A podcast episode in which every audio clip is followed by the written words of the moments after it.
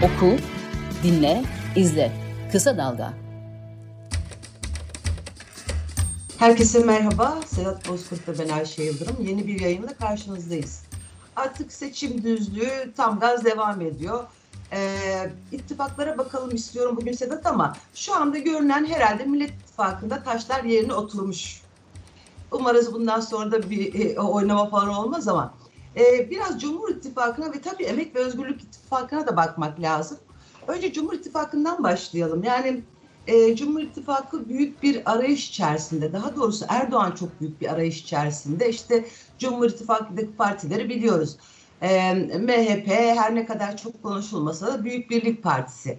E, ama işte yeniden Refah Partisi çok tartışılan Hüdapar'la görüşmeler, e, tarikat ve cemaat desteği arayışlarındaki menzilciler e, Cumhur İttifakı'na desteklerini açıkladılar ama diğer tarikat ve cemaatlerin ne yapacağı da konuşuluyor. Böyle bir e, hem Hüdapar gibi işte Hizbullah'ı e, Hizbullah'tan gelen bir parti, işte domuz bağları, insanların ölümleriyle, o kanlı manzaralarla alınan bir parti.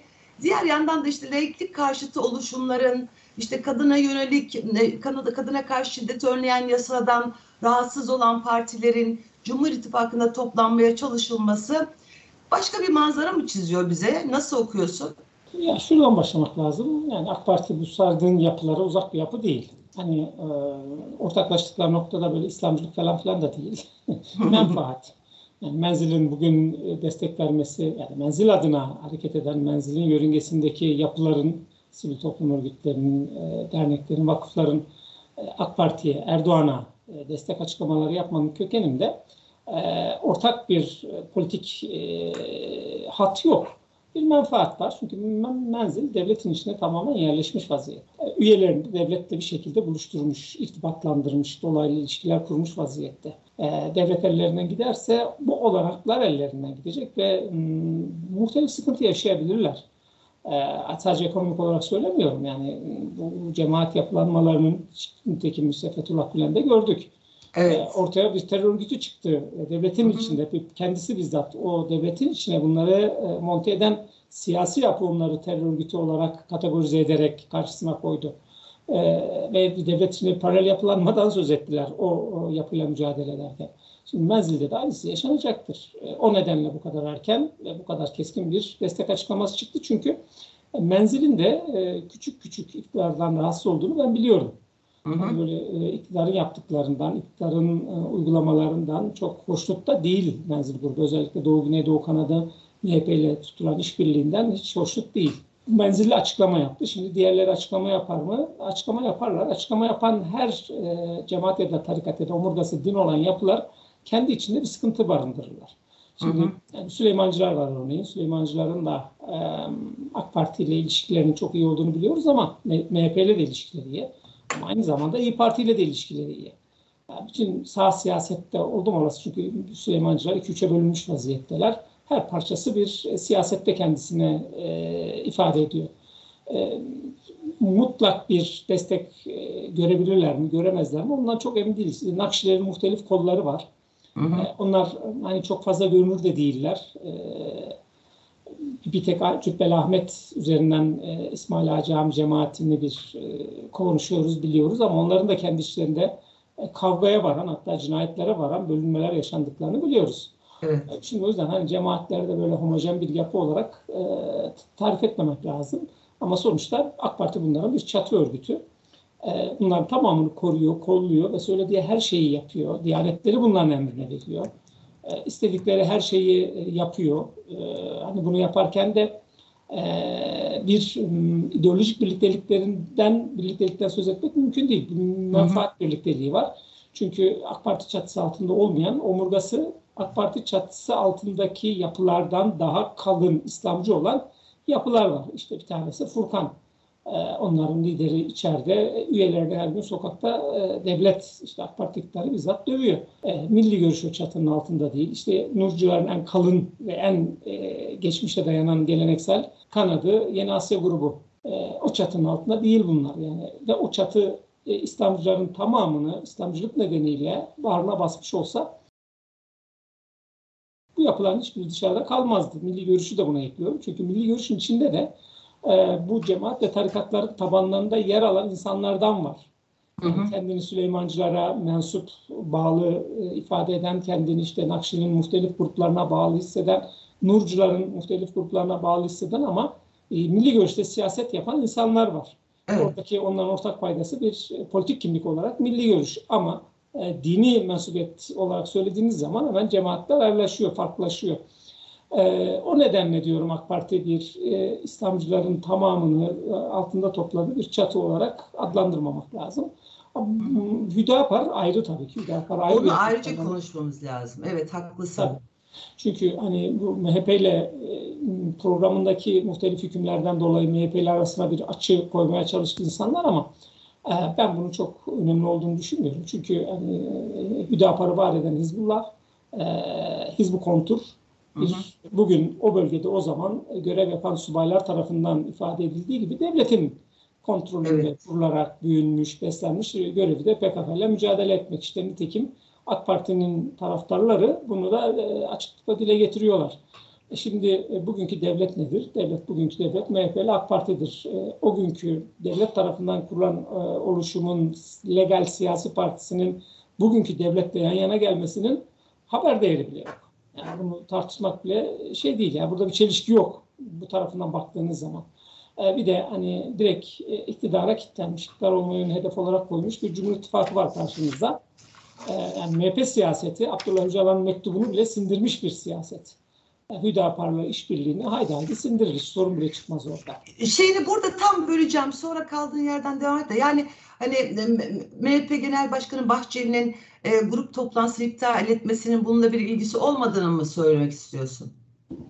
Kesinlikle.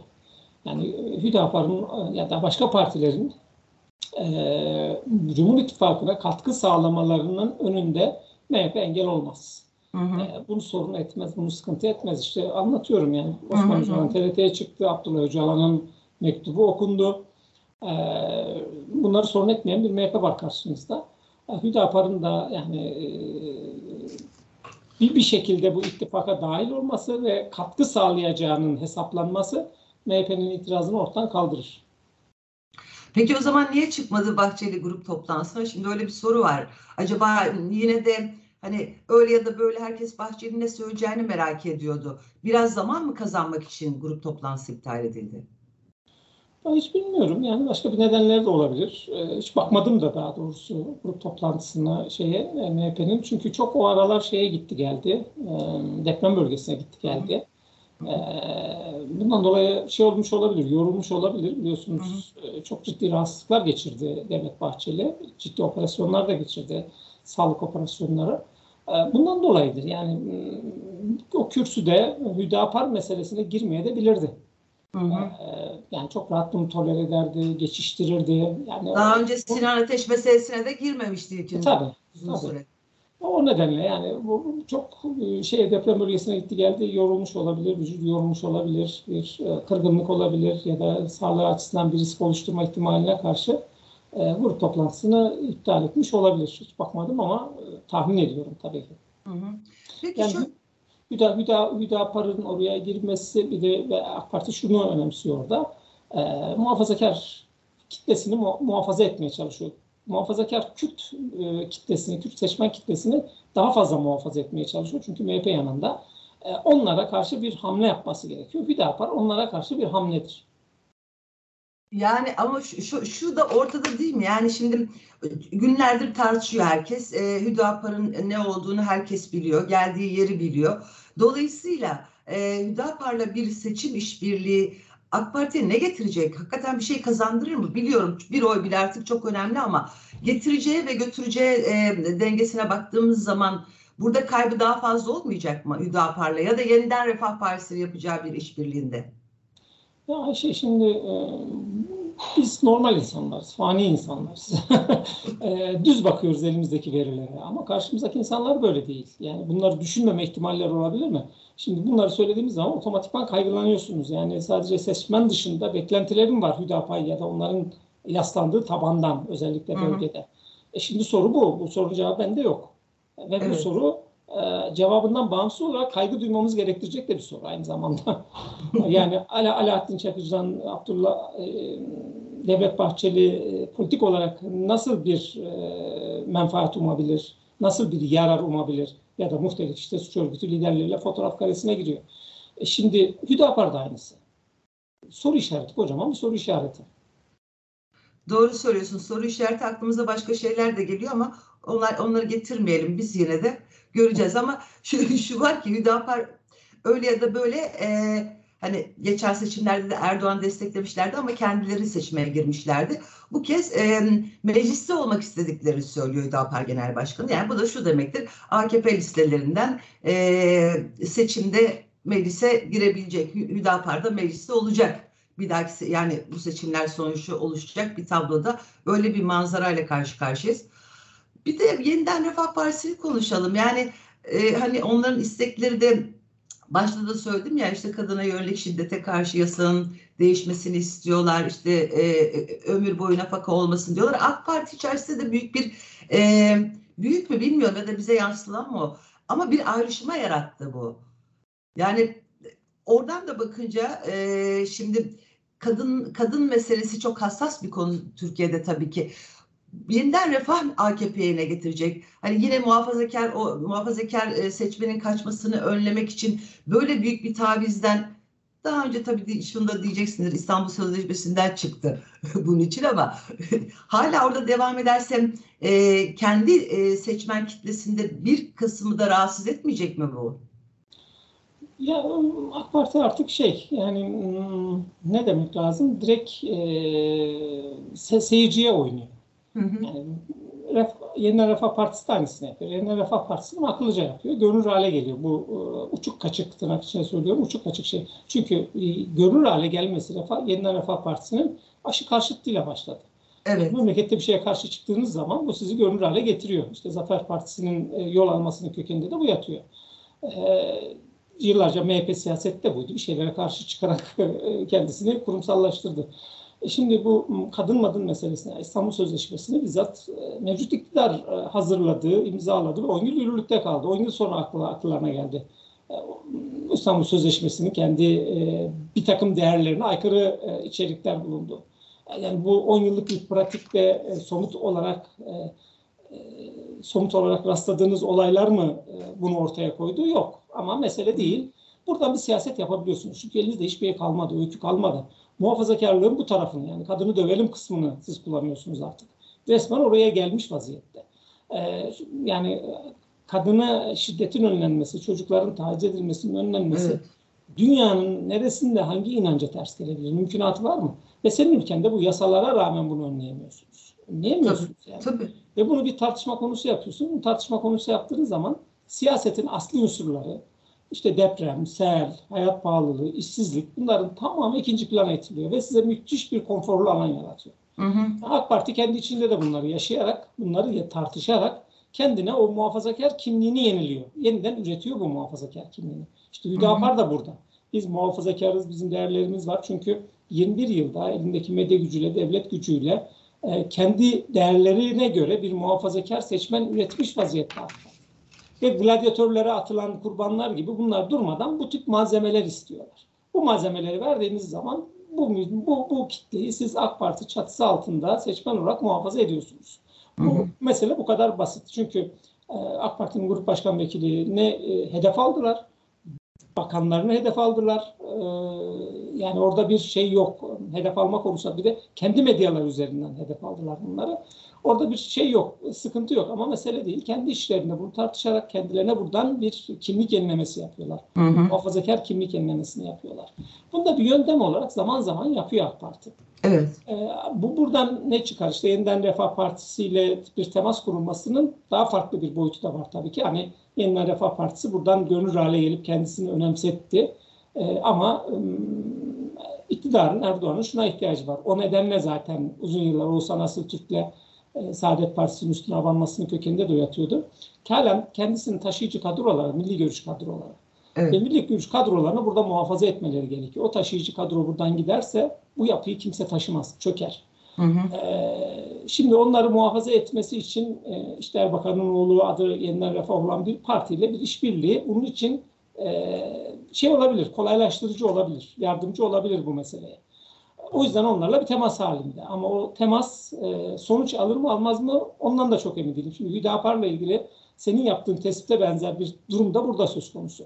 Hı hı. Ee, yeniden Refah Partisi'nin işte anketlerde çıkan yüzde birlik bir buçukluk oyu seçmen AK Parti'den gelen seçmen.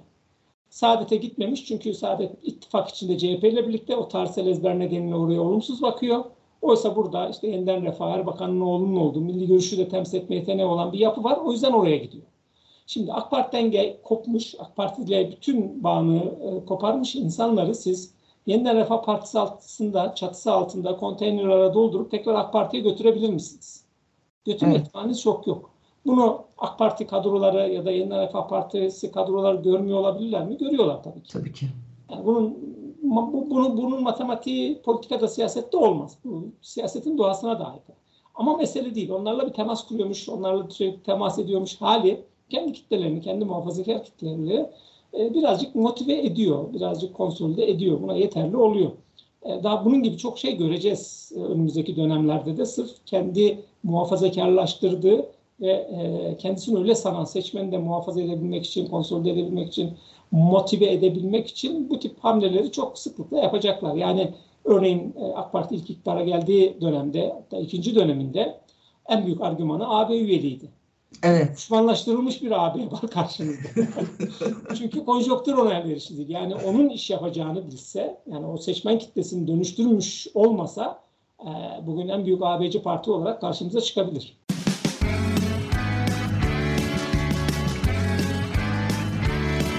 Kulağınız bizde olsun. Kısa Dalga Podcast. Görünen manzara da sanki e, o cephede de bir e, yenildiği kabullenilmiş de seziliyor. Yani bugün mesela işte SETA Genel Koordinatörü ki AKP'ye yakın düşünce kuruluşu onun başkanı Burhanettin Duran Sabah gazetesinde bir yazı yazmış ve ilk defa seçimlerin ikinci tura kalabilme ihtimalinden söz ediyor. Şimdi bu çok önemli aslında. Yani hani tam kayb kaybedilebilir demiyor da ikinci tura kalabilir diye bunu kabullenmesi önemli. Bir de tabii AKP'nin işte e, bakanlarını büyük şehirlere yollama kararı. Hani o, oradan o, o da çok tartışmalı. Hangi bakanı gönder, hangi bakanı nereye göndereceksiniz? Süleyman Soylu'nun ne olduğunu biliyoruz. İşte Tarım Bakanı e, Kirişçi'nin e, televizyonda o söylediği söz sel felaketi nedeniyle 15 canımız gitti ama toprak suya kavuştu diyen bir bakan. Bu bakanlar AKP'ye ne oy kazandıracak? Orası da tartışmalı. Yani büyük bir sıkışmışlıkla her yere saldıran bir e, Cumhur İttifakı var karşımızda. Evet. Bunu, bunu birazcık durumu kavramış gibi görüyorum ben ama strateji belirliyorlar. O yazılan yazılar boşuna değil. Çünkü SETA AK Parti'nin, daha doğrusu AK Parti'nin kontrolündeki devletin bir aygıtı konumunda Sabah gazetesi gibi. Hı hı. Yani o Sabah gazetesi nasıl bir gazete değilse SETA'da düşünce kuruluşu değil. İkisi de bir propaganda merkezi. Bunları dillendirmelerin kökeninde de bir şey yatıyordur. Yani ikinci tura kalmasını istiyorlar istedikleri hmm. bu. Çünkü birinci turda bir parlamento e, aritmetiği de ortaya çıkacak. Tabii. Parlamento aritmetiği ikinci tur Cumhurbaşkanlığı seçimlerini e, kalın bir şekilde etkileyecektir. E, bütün niyetleri o zaten. Yani birinci turda e, kazanamayacaklarını gördüler. Çünkü üstüne koyamıyorlar. Yani 45'in üstüne bir koyamıyorlar. Hani 45-45 buluyorlar oylarını ama e, siz bakmayın AK Parti'nin genel başkan yardımcısı Mustafa Şen %53 Erdoğan oyu falan diyor ama 53 yüzde, yüzde 53 bulsalar Erdoğan'ın oyunu çarşaf çarşaf e, yazarlar. E, yani bu kadar uğraşmazlar. Hüdapar'ın peşinde, yeniden Refah Partisi'nin peşinde falan koşmazlar bu kadar. E, bir, sıkışmışlıkları var, döndüremiyorlar. Her şey aleyhlerine. Eskiden hani dış politikayla ey Sisi, ey Merkel, ey Trump falan diyerek o konsolide ederlerdi. Artık o da kalmadı ellerinde. Yani dış politikada da kızacakları, ey diyecekleri bir figür yok. Bir Putin var, ondan da ciddi bir destek ciddi bir yardım alıyorlar. Ee, bakanlar meselesi bu hafta benim yazımda da yazmıştım. Bütün e, seçim bölgelerinde liste başına koyacaklar bakanları. Çünkü e, bütün ellerindeki aygıtları sonuna kadar kullanmak zorundalar. Ee, bakanlar bölgedeki insanların seçmenlerin ihtiyaçları vardır ve o ihtiyaçları karşılayacak kişi de bakandır. Hı hı. Ee, seçim listesinin birinci sırasında onu gördükleri zaman ihtiyaçlarının giderilmesi halinde ona oy verebilirler. seçmen böyledir. Bundan dolayı seçmene kızılmaz. Seçmen eleştirilmez. Bunu da kullanacak sonuna kadar. Ha, bakanların politik olarak e, kimlikleri, politik olarak yetenekleri falan tamamen tartışmalıdır. Yani gittikleri bölgelerde konuşmadığı sürece film yaparlar, konuştukları zaman alacakları oyu da kaybedebilirler de yani. Ya da insanların e, taleplerini karşılamada e, zayıf kalırlarsa yarardan daha çok zarar getirirler ki ben zarar getireceklerini de düşünüyorum. Çünkü e, siyasi kimliği keskin e, kimse yok ki kabinede. Evet. Süleyman Soylu'yu söyleyebiliriz. E, o da e, Türkiye'nin her yerinde e, bir anlam ifade edebilir mi yani? Mümkün değil. Yani Urfa, Urfa'da işte e, Faruk Çelik'in adı geçiyor. İkna edilirse edilmezse Binali Yıldırım'ın. Numan Kurtulmuş Kürt illerinde e, önemseniyor. Çünkü hala oralarda milli görüş tabanında, AK Parti'nin tabanında, teşkilatlarında karşılığı olan tek isimdir halen Numan Kurtulmuş. E, onu da bir yerlere koyalım da oradan da bir şey kotaralım peşindeler. Çünkü hani siz bakmayın AK Parti üyeye e, milletvekili adaylığı için çok başvuru var. O yüzden süreyi uzattık dediklerine bakmayın. Başvuran çok ama toplumda, seçmende karşılığı olan isim yok. Ellerinde kimse kalmadı. Yani eskiden e, tabanla bir araya gelen, siyaset yapma yeteneği olan insanların hiçbiri yok artık. Ve e, şimdi onlara bile e, muhtaçlar, onların bile kapılarını çalıyorlar ki gelin siz aday olun diye. Yani bir, bir nevi bu gazeteye e, gelin aday olun diye ilan vermek gibi bir şey. E, çok sıkıntıdalar, sıkışıklar. O yüzden e, seçenekli oyun kurmak peşindeler.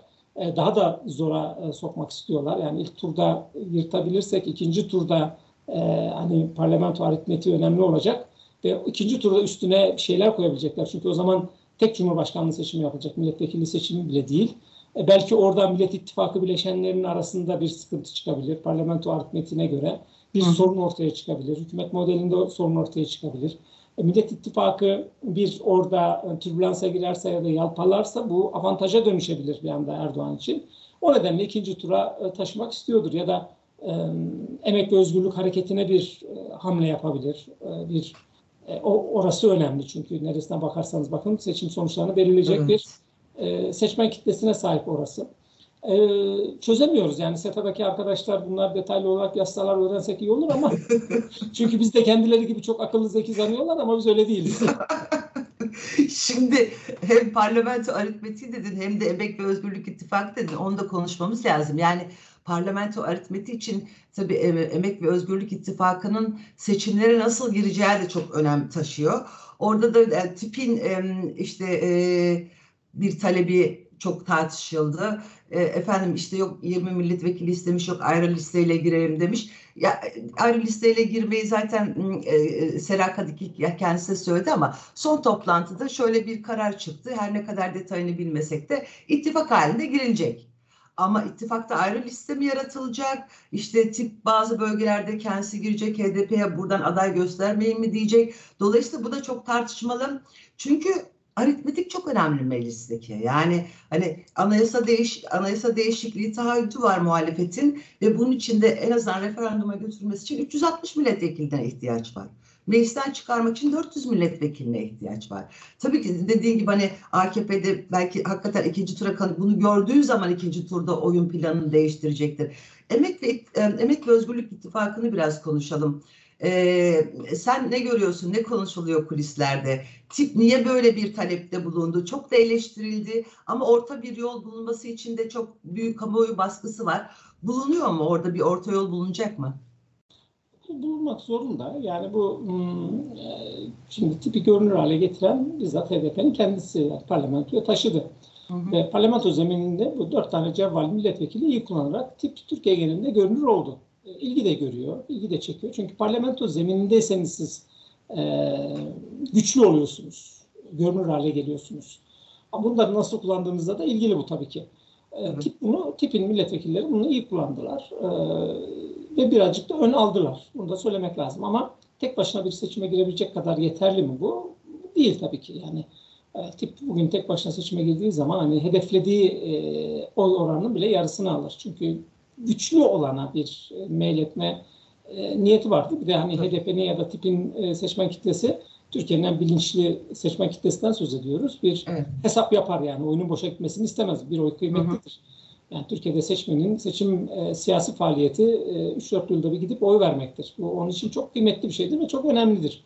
Onun için 40 kere düşünür. E, şimdi buradaki tartışma şu. E, Hani özellikle Batı illerinde, muhtelif illerde e, tip biraz görünür halde ve HDP'nin de e, içinde barındırdığı muhtelif kimlikler nedeniyle e, birazcık algısı olumlu değil. Yani hı hı. tereddütte kalan seçmen var o bölgelerde. Hani belki bir sol partiye verebilirim, sol sosyalist partiye verebilirim ama HDP konusunda birazcık tereddütleri olan bir seçmen grubu var. Hani bunun sayısını bilemem tabii ki. Yani seçim sonuçlarını etkiler mi etkilemez mi ama. Şimdi e, tipin tezi şu, o bölgelerde tip çatısı altında girelim. Hani ittifakımız olsun, HDP ile tip ittifakı olsun. E, ittifakın e, tip listesi olarak girelim. İşte Muğla'yı örnek veriyor Selakat Gelin. E, Muğla'da birinci sırada tipin adayı, ikinci sırada HDP'nin adayı, üçüncü sırada HDP'nin adayı, dördüncü sırada gene HDP'nin adayı falan diye böyle tek liste halinde girilsin.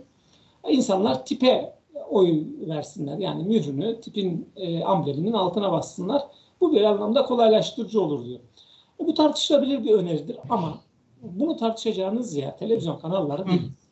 Aynen onu söyleyecektim ben de.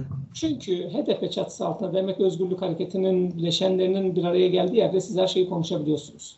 HDP evet. kendi içinde bile karar alma mekanizmalarını işletme yeteneği olan bir parti. Bundan dolayı da başına bir şeyler geliyor ve HDP şöyle bir şey yaptı. Bunu hep atladık. Onu da birazcık bunlar çok işlevli hale getiremediler.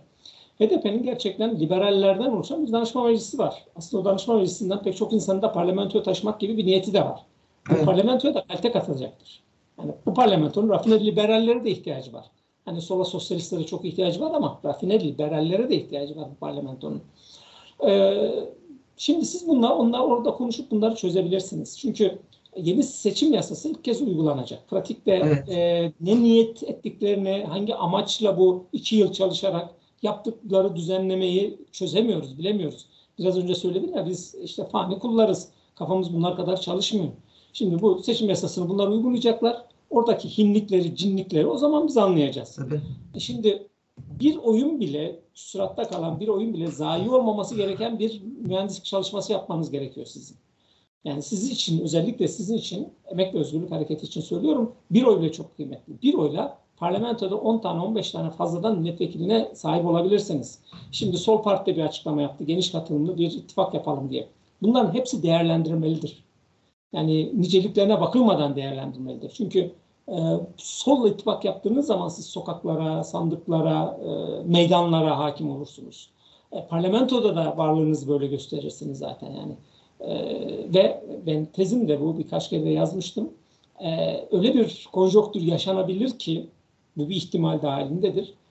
E, Emek ve Özgürlük Hareketi parlamentoda ana muhalefet haline gelebilir.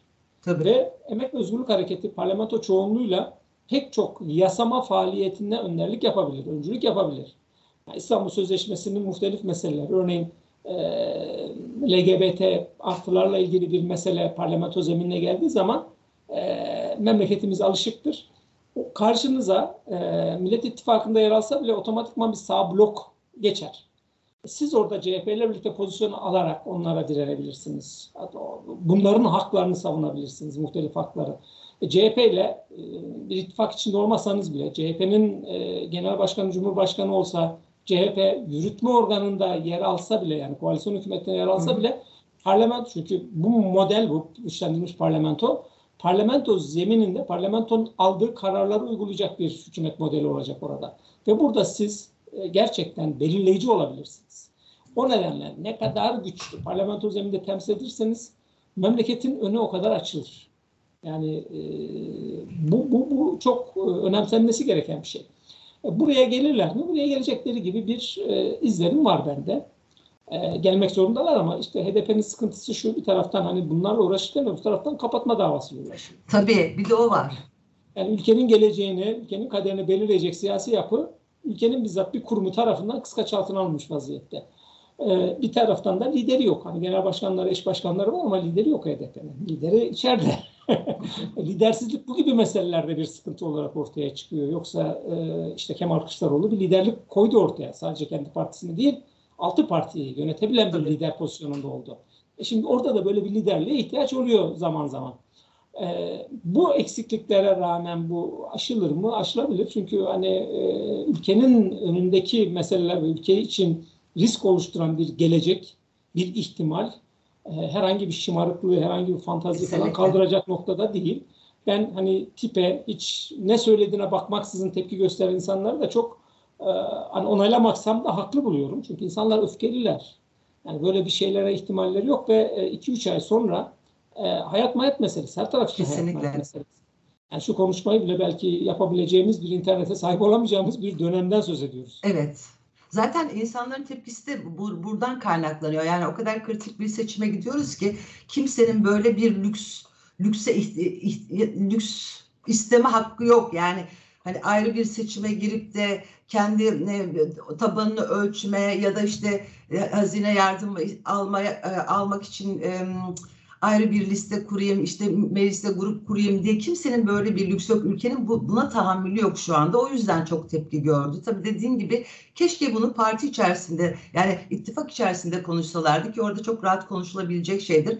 Bir de tabii kamuoyunda şöyle bir algı yarattım tipin bu tavrı.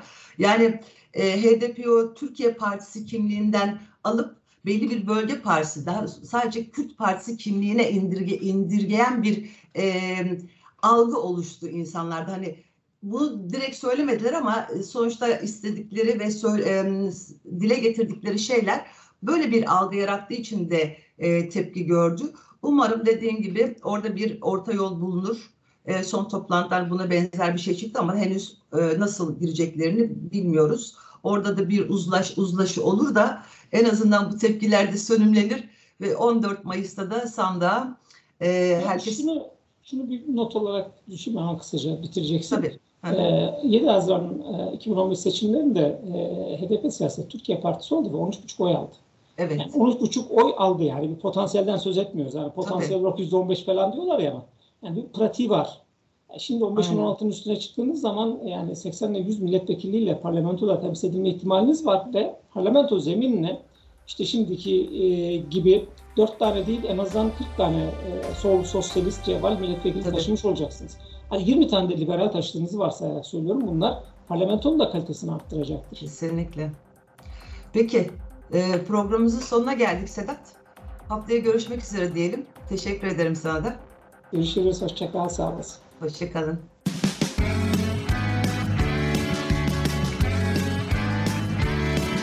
Kulağınız bizde olsun. Kısa Dalga Podcast.